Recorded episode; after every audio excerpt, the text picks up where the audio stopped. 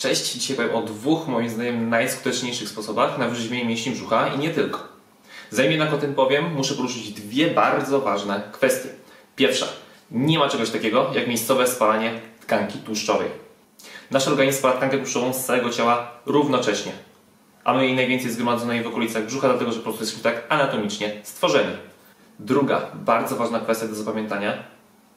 Ćwiczenia stricte nie powodują spalania tkanki tłuszczowej. Ćwiczenia mają tak naprawdę za zadanie nakręcić Twój metabolizm do spalania jak największej ilości kalorii, czyli tak naprawdę stworzyć z Twojego ciała maszynę do ich spalania. I to będzie w bardzo dużym stopniu pomagało w spalaniu tkanki tłuszczowej, czyli rzeźbieniu mięśni brzucha i nie tylko. Teraz pytanie, co możesz robić na treningu, żeby Twój metabolizm był po nim nakręcony jeszcze przez kilkanaście lub nawet kilkadziesiąt godzin? Rozwiązań jest kilka, ale moim zdaniem są dwa najskuteczniejsze. Pierwsze to trening siłowy i wykonywanie ćwiczeń wielostawowych. Drugie to interwały. Te tematy będę oczywiście szerzej rozwijał w kolejnych nagraniach, dlatego że w jednym nie jestem w stanie powiedzieć o wszystkim.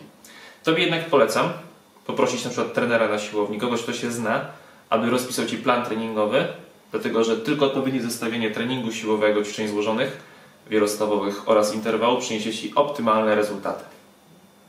Tyle ode mnie. Jeżeli to wideo Ci pomogło, bardzo proszę o udostępnienie go. Jeżeli masz pytanie, proszę o komentarz bądź wiadomość prywatną. Bardzo chętnie pomogę i do zobaczenia.